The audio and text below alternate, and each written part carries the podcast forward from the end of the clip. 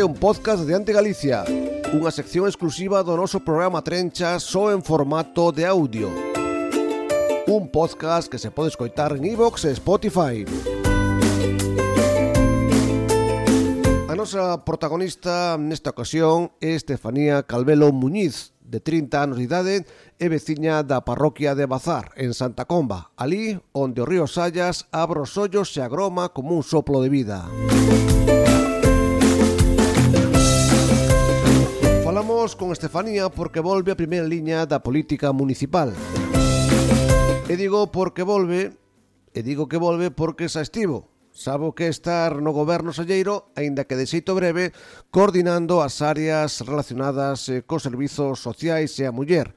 E tamén o que supón estar na oposición despois dunha moción de censura acaba de vivir a experiencia de ser nai e decide retornar a formar parte da candidatura, neste caso do mesmo partido, o dos socialistas, nunha nova etapa liderada por Alberto Romar.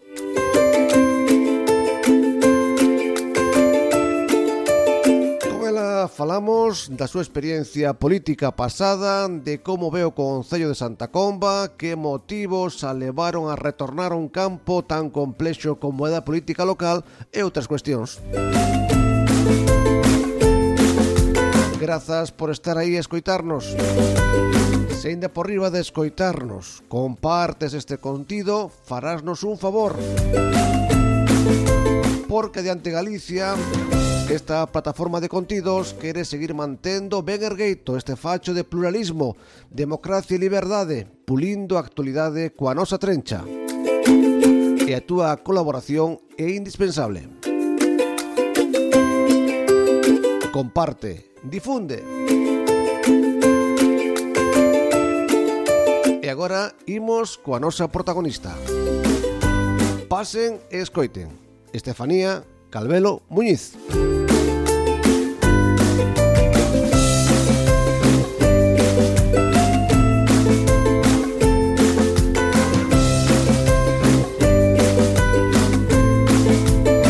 Pois hoxe teño o placer de ter comigo a Estefanía Calvelo, é a protagonista neste podcast aquí de, de Diante Galicia.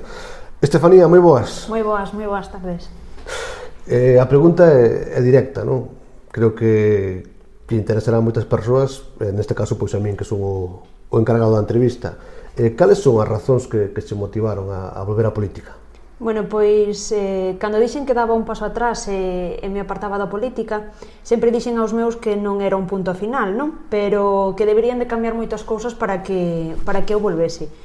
E eh, creo que así foi. Eh, antes de que Alberto contactase comigo, eh, xa creía que era un bo, un bo candidato, porque me parecía que era unha persona con iniciativa, con ganas e, e traballador, e así o demostrou unha asociación de, de empresarios, E dende que din o paso, pois reafirmo nisto, non? Vexo que hai moito traballo detrás, eh, de documentación, de falar coa xente para coñecer as súas necesidades e de traballo en equipo. Fundamentalmente, esa creo que debe ser a base, non? Que haxa un bo traballo en equipo e que as decisións non as tome só unha persoa para que non pasen cousas como as que pasaron en política nesta última legislatura, non? Que dúas persoas que decían que era do Partido Socialista pois lle regalen a alcaldía ao Partido Popular, é dicir, este tipo de actuacións en política tan vergonzosas eh, creo que non deben de ocurrir e é un motivo máis non para, para dar un paso adiante e, e para volver.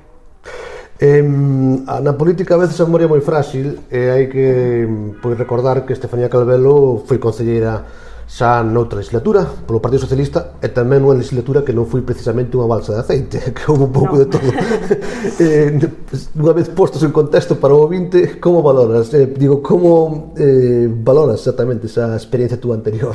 Bueno, pois como distí, eh, eh, non foi fácil, non? A miña experiencia eu definiría pois como intensa, e moi mellorable. Esa, esas dúas palabras escollería. Eh, non podo decir que foi de todo negativa, porque de todo se aprende, non? E, e, pero creo que sí que foi difícil. Eh, son unha persona eh, que me implico moito nos meus proxectos eh, e supuxeme moito desgaste a nivel personal e a nivel político, evidentemente. Non? Eh, creo que esta experiencia, eh, ao final, pois foron moitos meses donde comezamos cun un goberno en maioría simple, logo integramos a, a Tega eh, con constantes eh, tensións eh, para gobernar, logo unha moción de censura e finalmente unha oposición eh, totalmente en solitario e mm, donde vivíamos plenos e eh, comisións informativas donde a falta de información era eh, absoluta e sobre todo as faltas de respeto que se, que se vivían nos plenos, non? Entón, sí, considero que pode ser moi mellorable. Estefanía, este, este regreso, esta volta, perdona que insista tanto no tema, pero foi unha decisión moi, moi meditada. Sí, foi unha decisión moi meditada. E, bueno, se lle preguntases a miña nai, diríache que non foi meditada porque ela parecelle que eu tomo as decisións e as teño moi claras desde o primeiro momento, pero sí foi moi meditada e é certo que, ao contrario do que me pasou na, na anterior legislatura, no 2015, desta vez sí que foron as persoas eh, que estaban ao meu lado, a familia e a xente que me apoiou naquele momento, que me dou un puxón para, para lanzarme nesta nova aventura. E mm, outro motivo que creo que, bueno, que mm, o máis importante é que cambiaron as miñas circunstancias e fun aí fai uns meses e creo que mm, que bueno, que vexo esta aventura desde outra serenidade, outra calma, eh, outra capacidade para poñer nunha balanza as cousas e saber o que é máis importante e ao mesmo tempo eh, decir, bueno, si quero que a miña filla teña un futuro mellor en Santa Comba, teño que formar eh, parte del e ser parte activa e que mellor forma que facelo pois nun equipo. Quédome con ese con esa reflexión porque a veces o de da maternidade pode ser afrontado como unha falta de tempo, pero tamén pode ser eh, afrontado como a necesidade de compromiso con un pobo, con a sociedade, non? Sí, eh, a ver, ao final moita xente me pregunta, non? Como te metes agora neste momento cando acabas de ter unha nena pois eh, nesta aventura? É certo que, que a política implica tempo, pero creo que aínda que non sexa todo o tempo do mundo, eu voulle poder dedicar tempo de caridade e o vou dedicar con conciencia ao final, non? E creo que eso se vai a ver pois eh, na forma de traballar. Hai preguntas que son tan eh, fáciles de facer, pero mellor non son tanto de contestar que, que sempre cae a mesma tentación. É a pregunta que máis fixen creo que nos últimos 20 anos que levo por aquí. Como ves a situación política de Santa Comba, Estefanía? Bueno, si estaba falando de que as cousas cambiaron eh, a nivel personal, eh, o que vexo é que a situación política é a que non cambiou en Santa Comba, non? O que vexo é moito movimento, mm, distintos políticos, pero mesmas formas e creo que vimos nunha, vivimos nunha total falta de transparencia e de paralización. Eh, nun concello onde faltan servicios e se necesita optimizar os que existen para dar unha atención de calidade aos nosos veciños e veciñas e vímolo no pleno anterior e o vimos en moitos plenos. Eh, a resposta dun partido que está gobernando ou, bueno, de, do, do goberno que temos agora mesmo, eh, non pode ser eh, fixerano vostedes cando estaban no, no goberno. Eso non é o que se ten que responder aos veciños, non debería de ser, non? A política del tú más debe rematar, estamos cansados de conflitos e o que queremos son propostas e alternativas para Santa Comba. O que está claro que, que isto é un dato que non, non pode negar ninguén, non? Ti sabes o que é ser concelleira, xa pasaches por unha campaña, por pre campaña, por estas cousas. Isto supoño que será un factor positivo tamén que sería un punto que, que ti valoraches, non? Bueno, eh, eu aí vexo a parte positiva e vexo a parte negativa, non? Creo que sí que por unha parte é positivo pois coñecer o funcionamento do concello e a súa dinámica, pero creo que tamén pode ser negativa porque a xente sempre pode pensar ou criticar que ti xa tuveches aí e xa tuveches a oportunidade de demostrar que sabes facer as cousas doutra maneira. Eh, a min o que me di a experiencia é que non se pode chegar e arrasar de maneira coloquial, non? Eh, senón que esta é unha carreira de fondo eh, que necesita un traballo de formiguiña, como alguén eh, achegado a mí me dixo, eh, necesitanse actuacións e proxectos que teñen que ser a largo prazo e para eso necesitas estabilidade e necesitamos unha maioría absoluta. Eh, maioría absoluta tamén xa é o que pedía o, o teu compañero, neste caso tamén o líder do partido, eh, Alberto Romar. Eh, parece que para vos unha necesidade, non? Sí, é necesario que en Santa Comba se dea unha maioría absoluta a Alberto Romar e ao Partido Socialista porque, bueno, como vimos nos últimos anos e parece que, que vamos, que a tendencia aquí, pois cando non hai esa estabilidade, pois as mocións, eh, as tensións eh, fan que un goberno non pode levar a cabo os proxectos que ten para Santa Comba e creo que eso eh, está por encima de calquera cousa. Non quedou claro, ainda que ti falas claro. Eh, no teu círculo íntimo, cando dixeches isto, eh, contaban con eso ou non? Foi sorpresa, porque o de Regina non me quedou moi claro. Bueno, é certo que me costou eh, dar o paso paso máis que da anterior vez, pois, por o que decía, non? porque as circunstancias cambiaron, pero eh, sí que é certo que dende os meus achegados sí estaban máis animados que incluso eu, eu mesma. Eh, foron os que me, os que me deron o último empuxón. Estefanía, cales che parecen que, que son as necesidades máis importantes ahora mismo no Concello de, de Santa Comba? Bueno, eso resumilo nunha sola, nunha sola resposta é moi difícil. Eh, as necesidades de Santa Comba son moitas e en moitas áreas, pero Bueno, moitas xa as vemos todos, non? O mantemento de, de edificios públicos e das vías de comunicación, e non só falo de bacheos, senón de desbroces, é necesario, necesitamos un plan, eh, ampliación do solo industrial, necesitamos non só notas de prensa anunciando que dentro de dous anos se pode licitar o proxecto para ampliación do polígono, eh, e estas carreiras que pasan sempre antes das eleccións. Non, necesitamos compromiso e necesitamos axudas, pois, por exemplo, para os emprendedores e as emprendedoras que temos no Concello e poder decirle a xente que poden facer, eh, facer a súa vida no rural, que poden ter un negocio que se pode vivir dignamente no rural.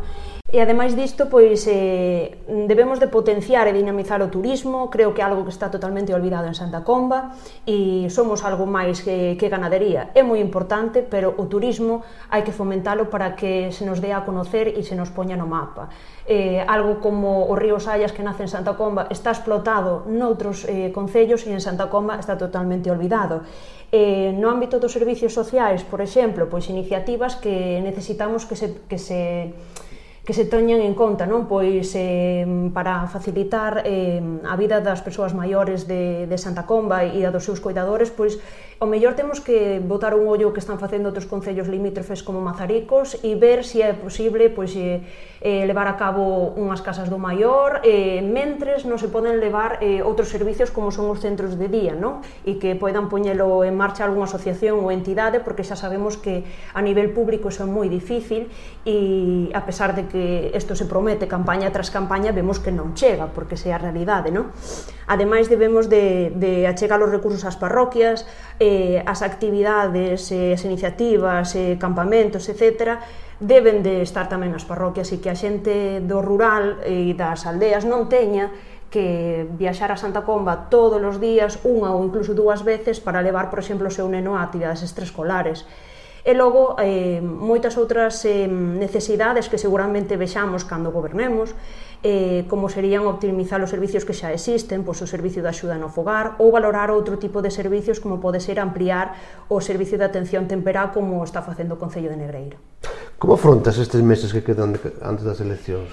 Que é o que, que, que pensa unha, unha muller, unha nai, unha veciña como a ti, e unha pois, persoa que vai estar aí Bueno, pois teño que decir que pensaba que o iba a levar con bastante máis máis agobio, pero bueno, a verdade é que agora mesmo como estou eh, coa baixa maternal, pois permíteme dedicarlle máis tempo e a verdade é que estou moi implicada, decía ao principio, non, cando lle dixen a Alberto que iba con todo, dixenlle, bueno, vou a levar con calma, non quero queimarme, pero a verdade é que non sei eh, ir a medias tintas, son unha persona moi directa, moi impulsiva e con moitas ganas e e así o estou poñendo todo.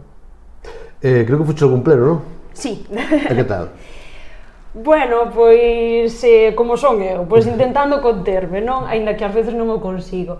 Eh, pois bueno, o que vexo é que seguimos na mesma dinámica, eh, necesitamos que os plenos sirvan para algo, que os partidos que formen parte do goberno e dos que formen parte da oposición eh, aporten ideas, aporten iniciativas, achegan as necesidades dos veciños e de todo de todas as persoas de Santa Comba eh, e sumar e non estar restando ou criticando eh, e creando conflito constantemente. Eh, antes de rematar, deixerenche pois eh, a última pregunta aberta para que engadas o que ti queiras, pero que se sufre máis? Sentada na, na bancada do, do goberno, sentada na bancada da oposición ou sentada na bancada do público? Bueno, eu teño claro, na, na, na bancada do público. ou polo menos eu eh, a vez que o peor o pasei, porque bueno, da outra maneira tes unha parte máis activa, non? E podes eh, intervir e demais, e eu que son unha persona pois, que quero constantemente achegar a miña aportación e demais, claro, dende o público evidentemente non o debes facer, e, e ao final dende a oposición ou dende o goberno sempre podes aportar cousas para o Concello e creo que debe de ser así. Dalle moita caña a Alberto? Con bueno, ideas, pouca, con propostas, unha pouca. Non, eu creo que nos entendemos moi ben, somos un grupo de xente moi diferente, pero un grupo moi cohesionado, somos xente pois que participou no 2015, logo do 2019 e ora moitas incorporacións novas, pero que nos eh, compenetramos moi ben e ao final eh, as persoas que somos máis impulsivas temos ao lado xente pois máis conciliadora e que se pensa as cousas pois dúas, tres, catro ou cinco veces e eso creo que fai forte un grupo. Para rematar, eh, que que cousa queres comentar ou engadir para poñer proche esta entrevista? Estefanía? Pois nada, eh, animar a xente a que nos dea unha oportunidade para escoitarnos en primeiro lugar porque ata o momento é o que estamos pedindo a xente que se acheguen e que nos comenten as súas necesidades e que para o 2023 que nos den a oportunidade definitiva vamos a estar aí e vamos a facer as cousas por Santa Coma dunha maneira diferente. Estefanía, moitas gracias e moita sorte. Gracias a ti.